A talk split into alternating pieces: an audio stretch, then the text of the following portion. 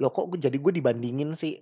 Kayak kamu nuntut aku yang mirip sama orang yang pernah deketin kamu Mhm dulu. mhm mhm. Tuh, dan buat aku itu nyakitin sih. Sebenarnya berubah bukan berarti berubah 180 derajat ya. Mhm mhm. Tapi perubahan 30 derajat aja juga dibilang berubah.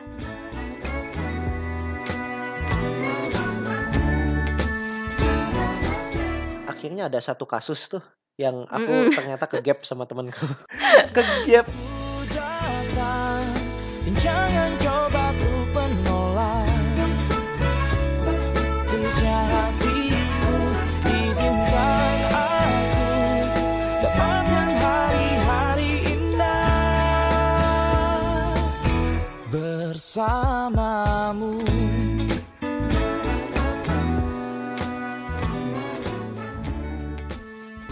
Hai semuanya. Hai semua. Semuanya. Oke, kita balik lagi ya. Iya. Podcast. Selalu gitu kayak Capek nggak sih? berapa episode tuh ya di gitu. podcast Mars Venus gitu aja cukup. Oh, iya. Kita kembali lagi di podcast ini selamat malam by the way. Kita rekaman ini malam Mm-mm. ya. Waktu-waktu malam kayak gini lebih tenang sih ya karena Mm-mm. rumah kita cukup berisik di depannya.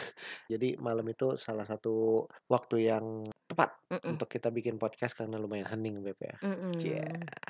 Anyway, thank you buat pendengar podcast kita beberapa episode yang lalu dan terutama episode kemarin ya Beb. Jadi ada eh, beberapa komen masuk ke kita. Ada Mm-mm. yang saya thank you, ada yang ngerasa bahwa cewek tapi kayaknya semua karakteristik cowok ada di gue gitu. Iya. Ya belum ada sih yang ngomong cowok kak karakteristik cewek ada di dia gitu belum Mm-mm. ada. Tapi ya pasti ada aja ya Mm-mm. perbedaan-perbedaan karena nggak mutlak Iya bener. semua karakteristik Mars dan Venus tuh nggak mutlak ada di hanya di cowok atau di cewek. Ya. Oke, dan kita mau memperkenalkan apa nih, Beb? Instagram kita. Yeay, akhirnya Mars Venus punya Instagram. Iya, ini sebenarnya kita bikin Instagram ini karena ada teman kita yang nanyain. Thank you uh, sudah menginspirasi dan jadinya kita kepikiran untuk buat Instagram yang Ya. emang sebenarnya udah lama sih pengen cuman kayak ntar-ntar aja deh gitu. Dan akhirnya kita buat dan udah ada beberapa konten. Jadi silahkan di follow Instagram kami, di At Mars Venus underscore podcast. yes Mars Venus underscore podcast. Dan udah ada kisah Instastory di situ ya, Beb? Iya, Tentang Mita. Mita. Itu Mita. nama samaran sih. Itu adalah kisah pertama yang kita sampaikan di podcast Mars Venus. Heeh. Jadi hopefully bisa relate sama apa yang jadi kisah atau perjalanan hidup banyak teman-teman. Mungkin Mm-mm, nggak semua mm-mm, teman-teman mm-mm. ngalamin itu, Mm-mm. tapi ada yang ngalamin Iya. dan ada yang mirip-mirip kisahnya. Hopefully bisa menginspirasi ya. Kemarin juga dapat reply di stories itu Iya. bagus sih. Maksudnya ternyata aku sih nggak kepikiran, tapi Hmm. orang-orang itu ternyata kepikiran. Nah sebenarnya ketika reply story itu sebenarnya itu membantu orang lain juga sih. Hmm, Gitu. jawaban-jawaban dari kasus si Mita Mm-mm, ini ya.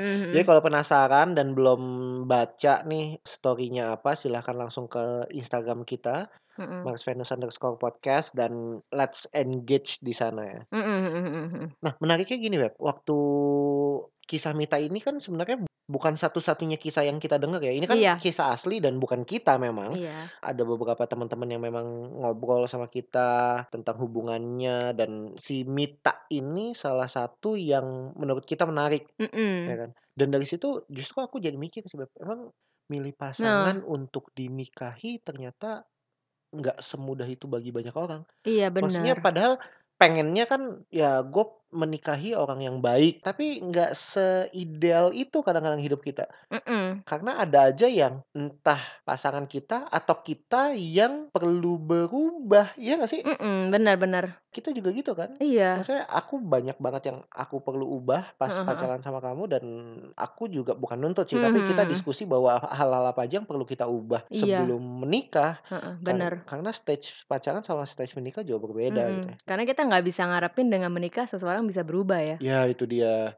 Aku pernah dengar jangan mengharapkan orang lain berubah setelah menikah. Contoh paling gampangnya adalah nanti deh kalau gua udah nikah gua Hmm. nggak ngerokok lagi. Nah ternyata kenyataannya setelah menikah ya tetap ngerokok. Mm-mm, mm-mm. Karena memang ya susah Mm. menuntut perubahan Mm-mm. seseorang kalau sudah menikah gitu. Iya. Justru kita bisa lihat trailernya dalam tanda kutip eh, itu justru ketika pacaran. Nah, eee, menurut kamu nih, kalau kita masih dalam tahap pacaran atau berpasangan, Mhm. hal-hal apa aja sih, Beb, yang perlu diubah atau ditingkatkanlah dalam individu Mmm. masing-masing supaya ketika masuk jenjang pernikahan itu bisa lebih baik? Mungkin pertama yang perlu diperbaiki itu adalah cara kita merespon masa lalu. Widih, Waduh, apa tuh? berat amat.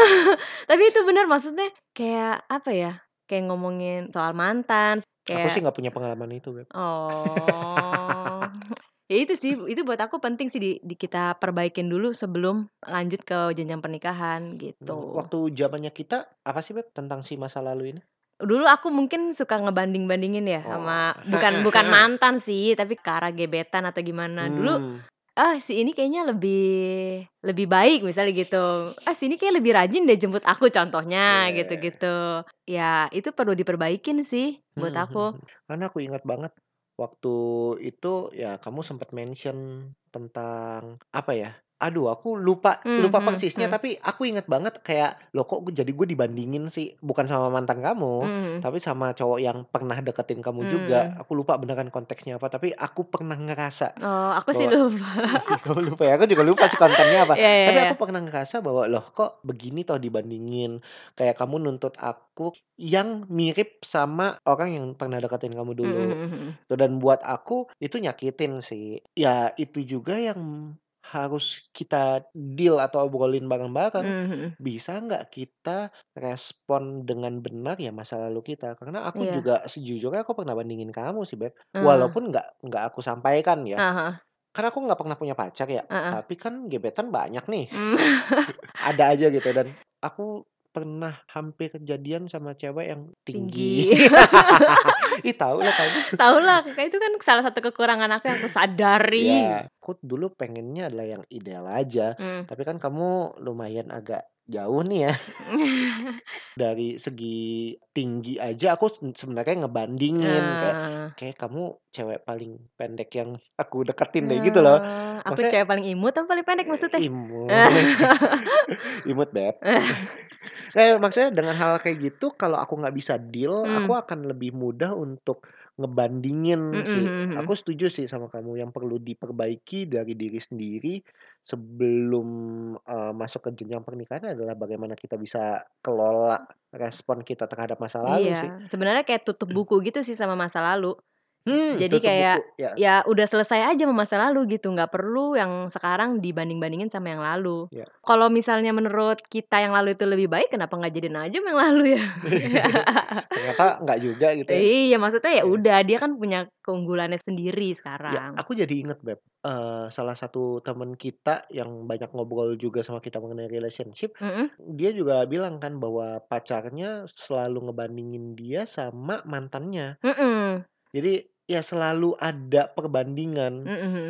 dan yang lebih bahaya adalah kalau sudah ada pengalaman negatif sama mantan. Iya. Ya, kayak misalnya, pengalaman negatifnya adalah dibohongin. Nah, setiap kali si pacarnya itu nggak ngabarin, dia selalu ngerasa bahwa, "Ah, lo kayak mantan gua loh, nggak pernah Oh. ngabarin, lo bohongin gua mhm ya, mhm. lo main sama cewek lain ya." Mmm. Jadi kayak, "Loh loh, kok selalu ngebandingin pengalaman masa lalunya dengan pacar dia yang sekarang?" Mmm. Nah, itu buat aku bahaya banget tuh kalau nggak diberesin Iya. dan akan merembet terus ke masa depan, ke Mhm. jenjang pernikahan dan lain sebagainya. Karena ya nggak bisa deal sama masa lalunya dia gitu. Ya Mhm. tutup berani tutup buku sih, harus Iya. berani tutup buku. Heeh.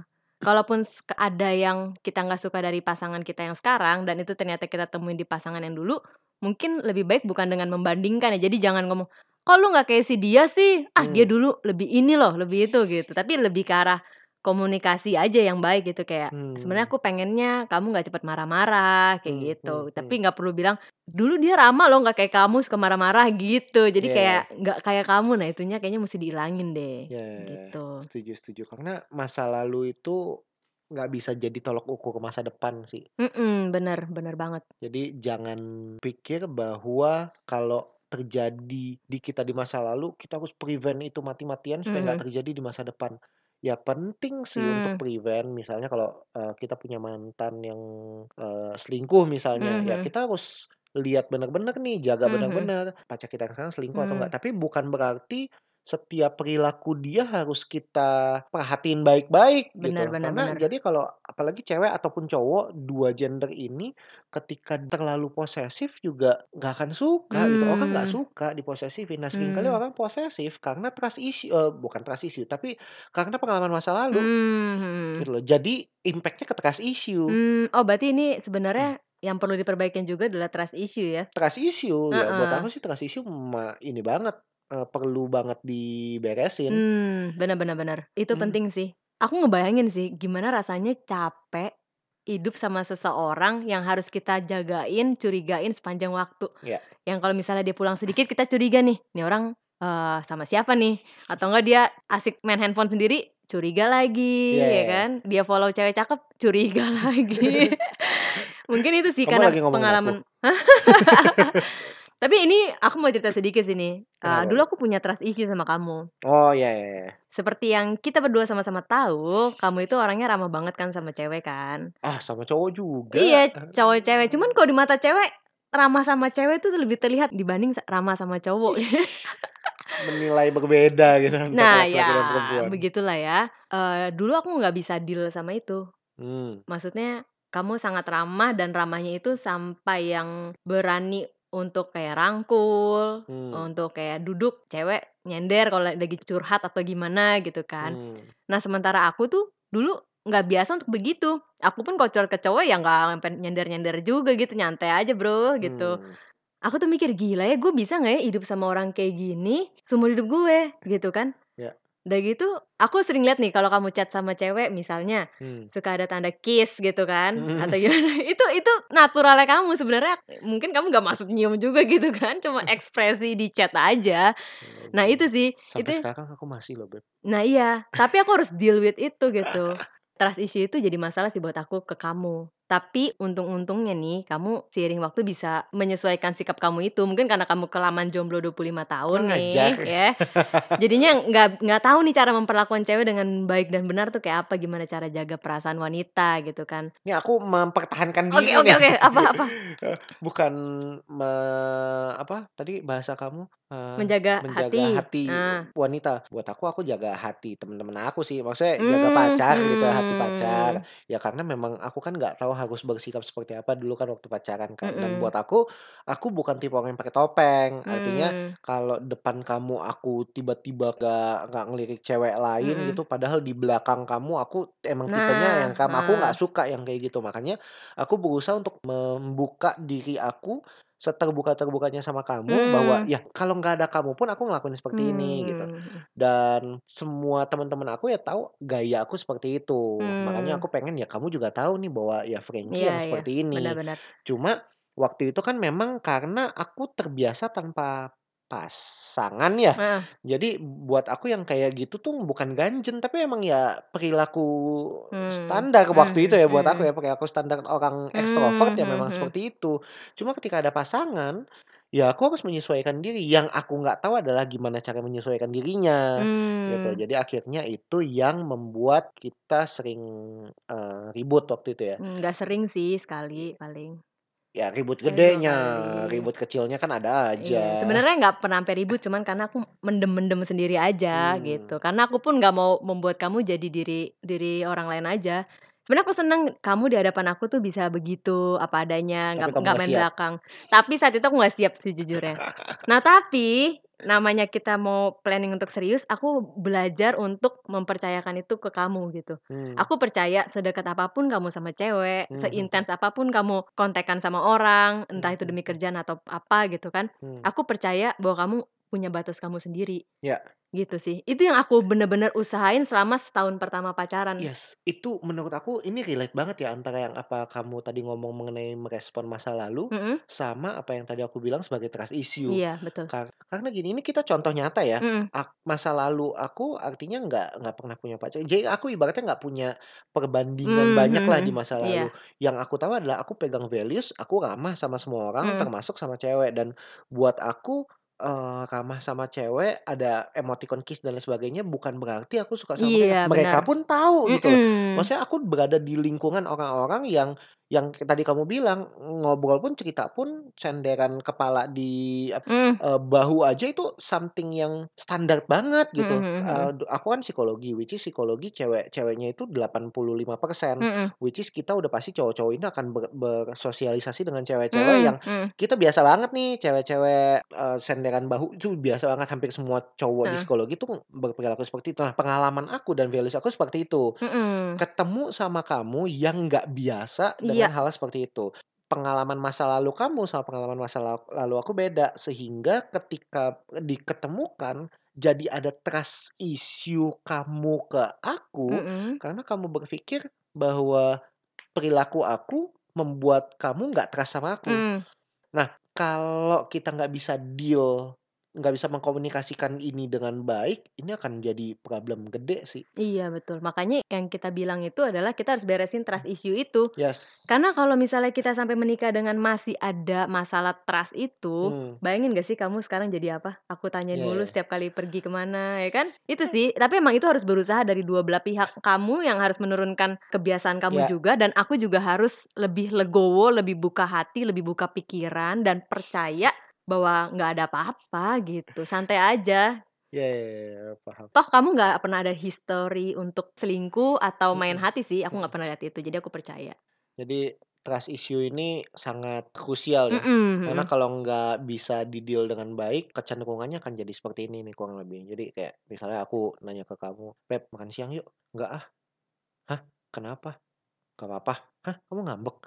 "Enggak." "Eh, serius nih makan siang yuk." "Nggak mau, aku ke rumah kamu sekarang ya." "Nggak ah." "Makan siang aja kamu sama cewek yang kamu like fotonya 18 April kemarin jam 21.03."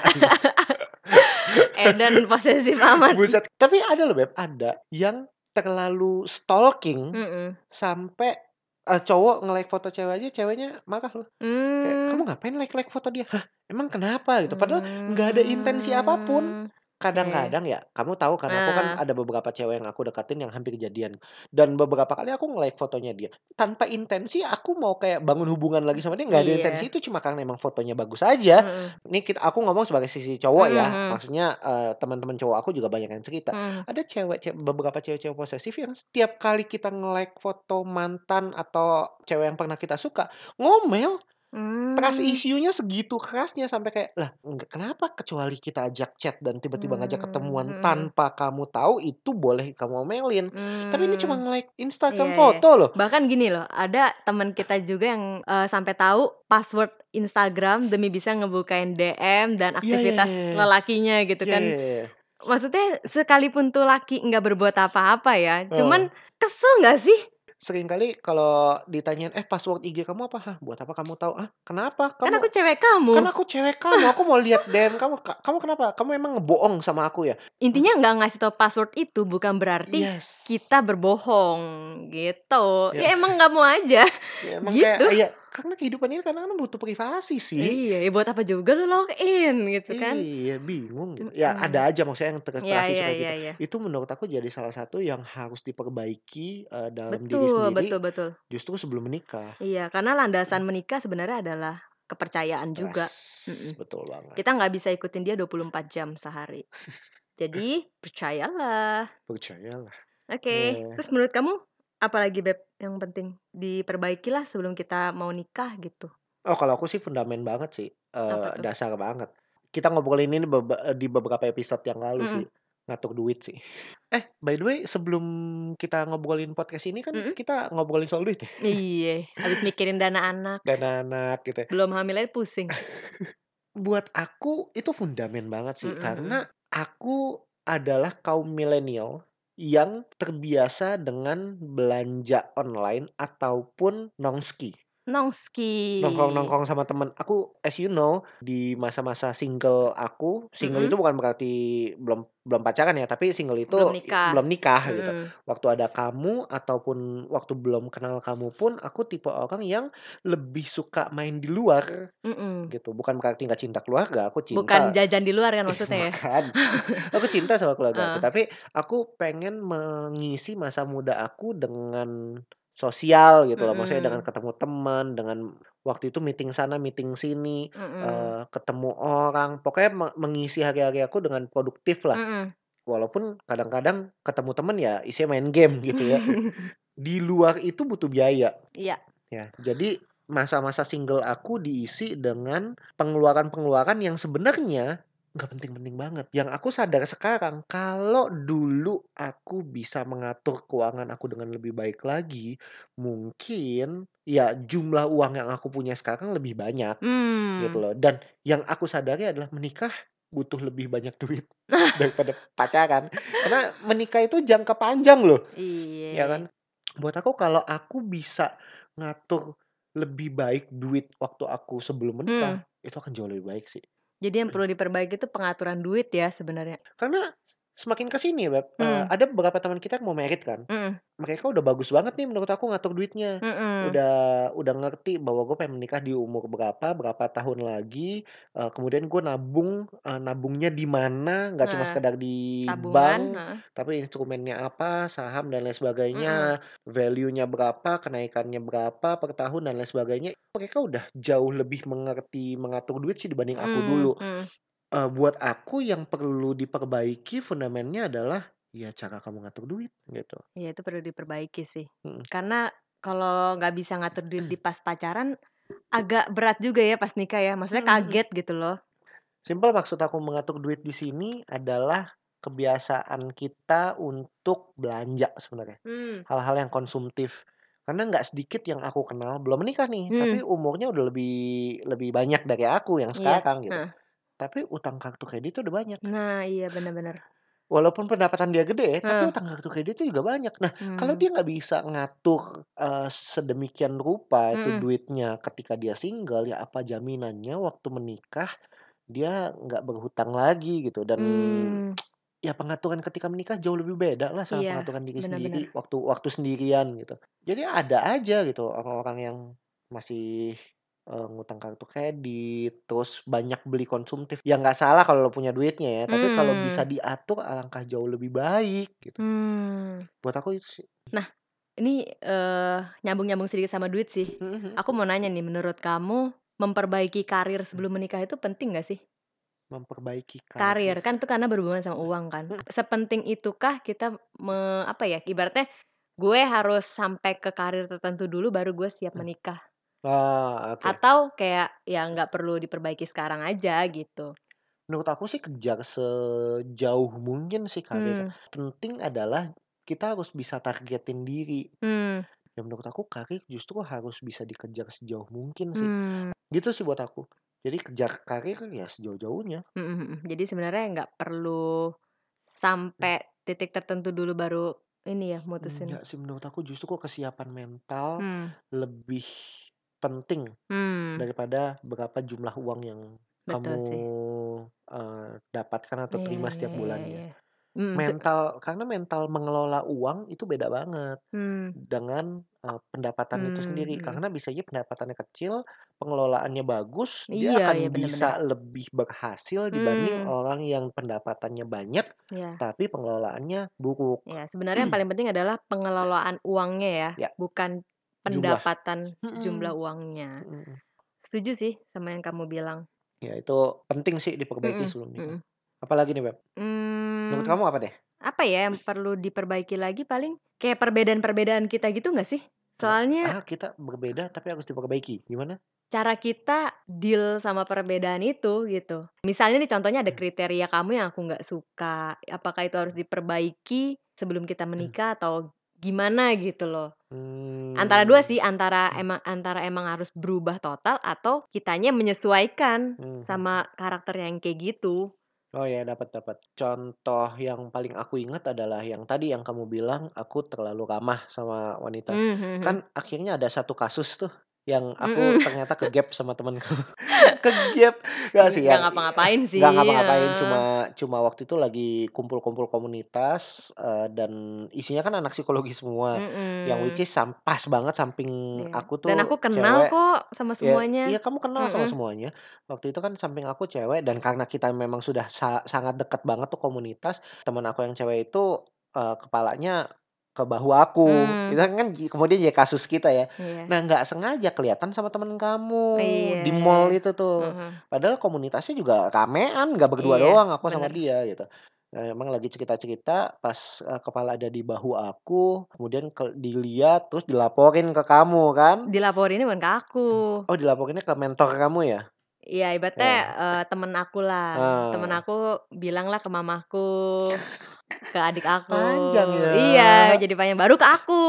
Sehingga semua sudah dapat gambaran bahwa kok Frankie udah eh waktu itu kita pacaran udah udah? Udah, udah 1,5 ya kalau Udah nggak salah. 1,5 Heeh, gila. udah lama. Kok Frankie udah pacaran tapi kok masih Masih gitu sama cewek. sama cewek itu Mhm.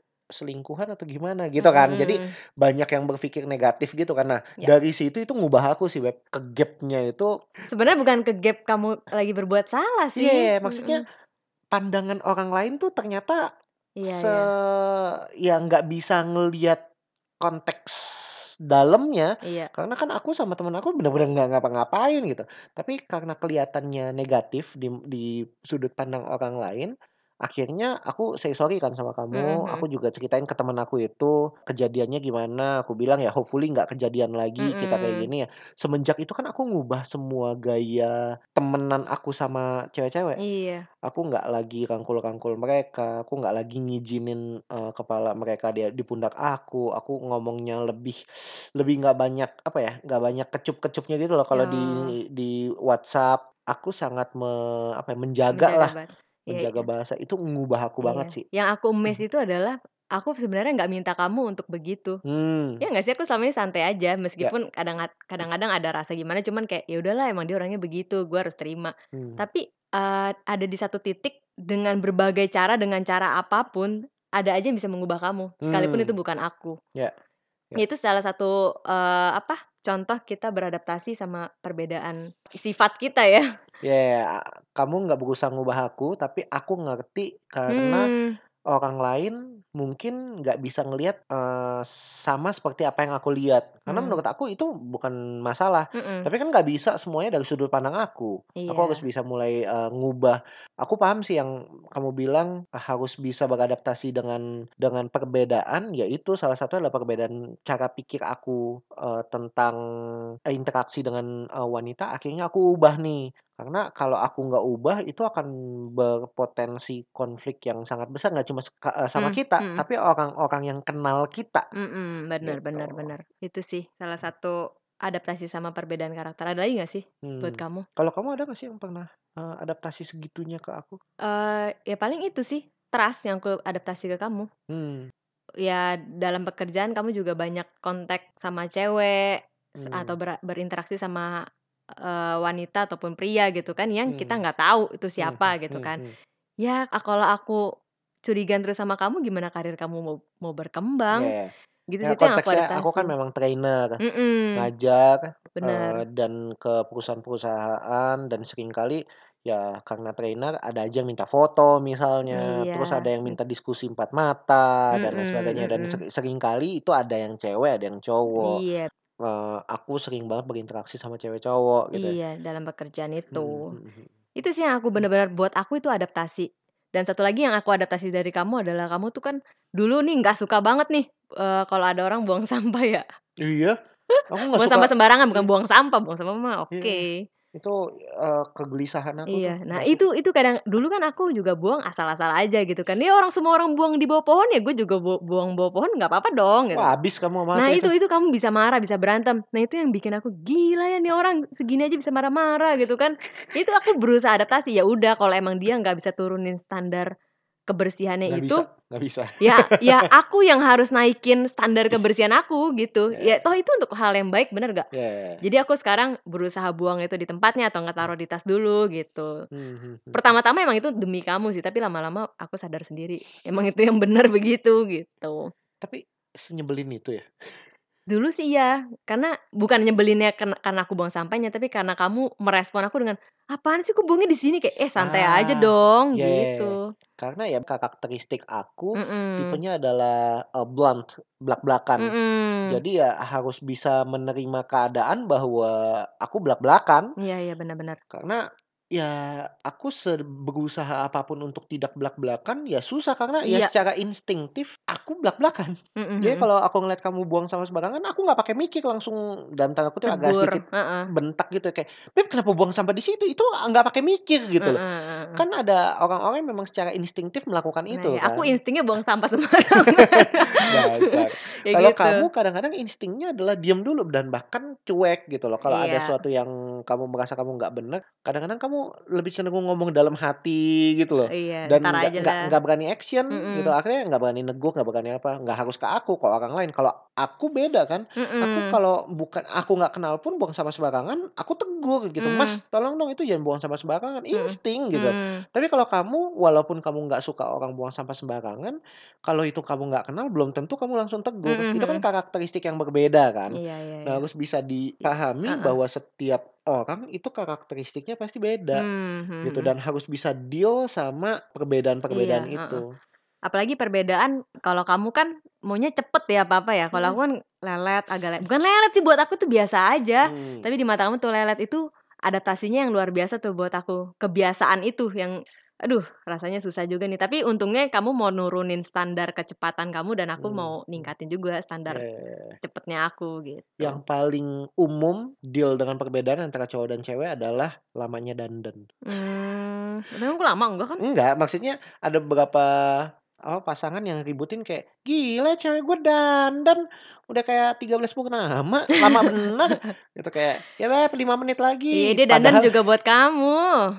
Eee, itu juga yang perlu dipahami sama Mars sih, yang perlu dipahami sama laki-laki, bahwa kadang-kadang cewek ya berusaha ngedandan secantik mungkin ya supaya kalau jalan sama kita, ya si cewek nggak malu-maluin gitu loh, ya Iya, dan kan? supaya lakinya, "Ya udahlah lu nggak usah lirik orang lain apa," gitu. I Makanya mata dijaga mata. I know. Tapi sering kali kan gitu kan, kayak cowok tuh Heeh. paling gregetan gitu kayak, "Dandan kamu masih lama nggak?" "Enggak, bentar lagi kok 5 menit lagi." Padahal sejam kemudian baru selesai gitu loh. Nah, itu yang harus di-deal juga sih Beb, Iya iya iya iya. perbedaannya bahwa cowok juga harus ngerti bahwa ya cewek emang kalau dandan lama, Mmm. mandi cenderung lebih lama gitu dibanding cowok. Nah, Mmm. kalau cowok mau yang dandannya sebentar, mandinya sebentar, ya pacaran aja sama cowok gitu. Gitu. Jadi ya nggak usah nggak usah terlalu banyak diambil hati gitu. Mhm mhm Itu mhm. sih yang aku, eee, pahami. Dan ingat nggak Beb, waktu Apa? kita kelas pranikah Mhm. ada salah satu pasangan yang yang lucu, yang ini loh, Oh, yang iya kalau iya telat iya.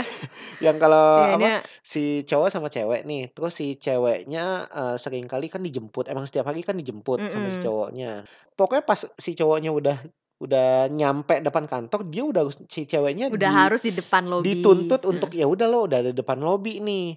Seringkali berantem waktu itu di kelas kita, eee, ditanyain kan sama fasilitator ya kan, "Kamu berantem kenapa?" "Iya nih karena dia telat." "Emang telatnya berapa lama?" "3 menit." Telat 3 menit, dihitung loh, telat 3 Iya. menit. Kamu kan harusnya udah tahu dong kalau, eee, aku bilang aku OTW, ya kamu udah siap-siap dong. Jadi kalau kamu tahu 5 menit lagi aku sampai, ya kamu jangan 5 menit baru turun. Mmm.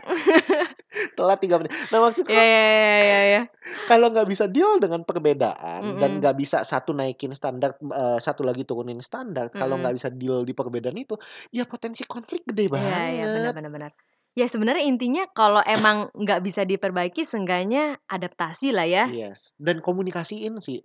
Artinya Mhm. bukan berarti ya kalau emang nggak bisa berubah, eee, bukan berarti tidak bisa Iya dikomunikasikan. iya iya iya. Gitu, artinya perlu dikomunikasikan bahwa seberapa itu annoying sih, seberapa itu nggak lumrah Mhm buat mhm. salah satu dari kita misalnya. Iya, Apakah itu benar. bisa diubah bareng-bareng, hal apa sih yang bisa aku ubah, hal apa sih yang bisa kamu ubah Iya gitu. iya. Harus ada komunikasi sih Iya, itu. benar benar. Sebenarnya berubah bukan berarti berubah 180 derajat ya, mhm. tapi perubahan 30 derajat aja juga dibilang berubah Ya. gitu. Kayak misalnya, "Ah kamu marahnya setiap hari, ya kamu harus berubah lah," gitu kan. Ya udah marahnya 3 hari sekali, kan seenggaknya seenggaknya adaptasi Iya untuk iya iya. berubah gitu kan, meskipun sedikit Ya, gitu. ini kan yang aku pernah ngomong sama kamu kan, eee, "Beb, kalau kamu bilang, eee, kamu jangan berubah ya, aku nggak bisa." Dan Oh. terus kamu bilang, "Yang benar, ya jangan berubah lah Beb." Ya kan kamu sering banyak, nggak cuma kamu, banyak orang-orang yang bilang Aduh unyu-unyu banget sih ini. ja ya kan Iya tapi iya iya it's a real, a real oke life, oke. eee, real relationship. Akan begitu banyak orang-orang cewek ataupun cowok bilang kayak gini, "Hei sayang, kamu jangan berubah ya, tetap Kayak tetap kayak gini. Jawaban aku simpel, "Nggak bisa Beb, aku pasti akan berubah," gitu. Terus kamu tiba-tiba, "Hah, kenapa? Kenapa sih setiap kali perubahan diasosiasikan sama yang lebih buruk?" Gitu. Mmm. Aku bilang, "Aku pasti berubah, tapi berubah yang lebih baik," gitu. Jadi Mmm. aku akan memastikan diri untuk selalu berubah, tapi ke arah yang lebih baik. Kalau aku Iya. sering marah-marah, hopefully, tidak sesering itu marah-marah. Mmm. Kalau emang ternyata aku, eee, cepet kesel, Mhm. hopefully ke depannya nggak secepet itu lagi keselnya, Mmm. gitu. Iya iya, bener Mmm. banget sih. Aku pasti berubah Beb, Mhm mhm. cuma ke arah lebih baik. Iya iya iya iya iya. Mantap nggak tuh? Iye, mantap. Ngomongin soal perbedaan juga nih buat aku, Hmm. yang perlu kita perbaiki atau adaptasi sebelum menikah, salah satunya adalah pekerjaan sih, di zaman kita waktu itu ya. Karena itu buat aku berat banget sih Beb. Aku kan tahu kamu tuh kerjaannya mungkin akan sering keluar kota, sibuk sepanjang hari. Hmm. Nah, aku harus bisa adaptasi dengan itu. Ada beberapa yang beda kantor, ataupun Iya. satu kantoran, satu entrepreneur, Heeh. yang kerjanya bisa jadi sampai malam. Nah, Iya. hal-hal kayak gitu yang perlu diadaptasi sih. Ya bener Mhm. sih pekerjaan, eee, lebih arah adaptasi waktu kali ya? mhm mhm. Misalnya pasangannya pilot, ya kan, yang iya yang iya jarang banget pulang ke rumah. Iya iya Ya iya. bisa nggak nih dia diadaptasikan atau dibenerin dulu sebelum menikah? Antara atau Mmm. misalnya dia mau quit dari job-nya kah, atau kitanya beradaptasi sama pekerjaannya Ya. dia, Ya gitu. ya ya. Ada tuh temen aku yang, eee, cowoknya pilot, ceweknya Mhm. pramugari. Menikah, Wah. walaupun maskapainya sama, tapi satu, eee, yang lokal, Mhm. satu lagi internasional. Pilotnya internasional, jadi Mmm. beda kap beda pesawat heeh. tuh. Susah banget Susah ketemu, ketemu, heeh. tapi mereka bisa beradaptasi satu sama lain, Mhm. eee, untuk bener-bener bisa komunikasi sih menurut aku. Mhm Itu mhm. penting banget sih.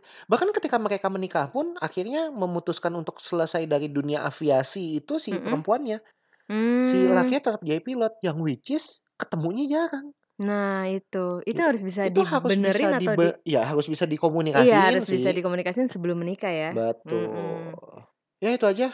Intinya banyak hal yang perlu diperbaiki sih, atau bukan diperbaiki ya, yang harus kita lihat ke diri kita sendiri dan Mhm. kita ubah menjadi lebih baik, justru sebelum menikah. Karena kita sendiri ngalamin ya, banyak bentrokan, banyak gesekan yang kita alami sebelum menikah, tapi justru itu yang membuat kita lebih tajam ketika kita masuk ke dunia pernikahan. Mhm. Karena dunia pernikahan tuh ada season-nya sendiri lagi, ada Mhm. tantangannya sendiri lagi. Kesulitan sendirinya lagi. Jadi harus dipastikan seenggaknya kedewasaan kita Nah. itu ketika menikah itu sudah jauh lebih baik dibanding sebelum menikah. Iya. Soalnya kenapa nih kita penting banget untuk Mmm. memperbaiki segala sesuatu sebelum menikah, Mhm. atau adaptasi segala sesuatu sebelum menikah, Mhm. ya karena itu untuk mengantisipasi sih. Kita Hmm. nih akan hidup sama nih orang Selamanya. bukan selamanya sih, Mhm. tapi ibaratnya lebih dari 2/3 hidup kita. Iya. Gitu. Kita tuh hidup sendiri cuman 1/3 hidup misalnya. Hmm. Selebihnya sama nih orang dan dan sanggup nggak sih menghadapi perbedaan-perbedaan kayak gini Ya. di sisa waktu hidup kita, Hmm gitu. hmm hmm. Eee, divorce nggak jadi option kita ya, kalau Ya. kita sih nggak memilih untuk itu, makanya kita berusaha banget menilai sebelum menikah, supaya gue bisa nih mengantisipasi segala sesuatu yang mungkin Hmm. aja bakal terjadi di pernikahan itu. Ya. Gitu sih. Interesting. Thank you Beb, udah mau sharing masalah Iya. ini. Thank you juga buat keterbukaan hatinya menerima celotehan dan mau terbuka juga, gitu. Sama-sama. Ya kita berharap semoga yang denger juga jadi berpikir, apa Hmm. aja sih ini yang gue perlu dapetin atau perbaikin dulu sama pasangan sebelum gue Hmm. lanjut ke jenjang pernikahan. Hmm. Ngobrol, Mhm, bener ngob bener. ngobrol bener-bener ngobrol dalam, Mhm. ngobrol tentang perubahan Mhm. ketika pacaran, deep down, eee, obrolan-obrolan sedalam-dalamnya, eee, untuk bisa memperbaiki diri, karena jenjang pernikahan itu adalah jenjang yang sangat berbeda Iya. sama jenjang pacaran. Jangan anggap Hmm. enteng sih untuk berubah sekarang, karena nggak ada yang jamin pernikahan bisa mengubah seseorang. Cool, itu aja kali ya? Mhm, itu aja. Dan sampai bertemu di podcast Iya, berikutnya. jangan lupa follow Instagram marsvenus_podcast. Tetep. See see you. See you, bye. Apa adanya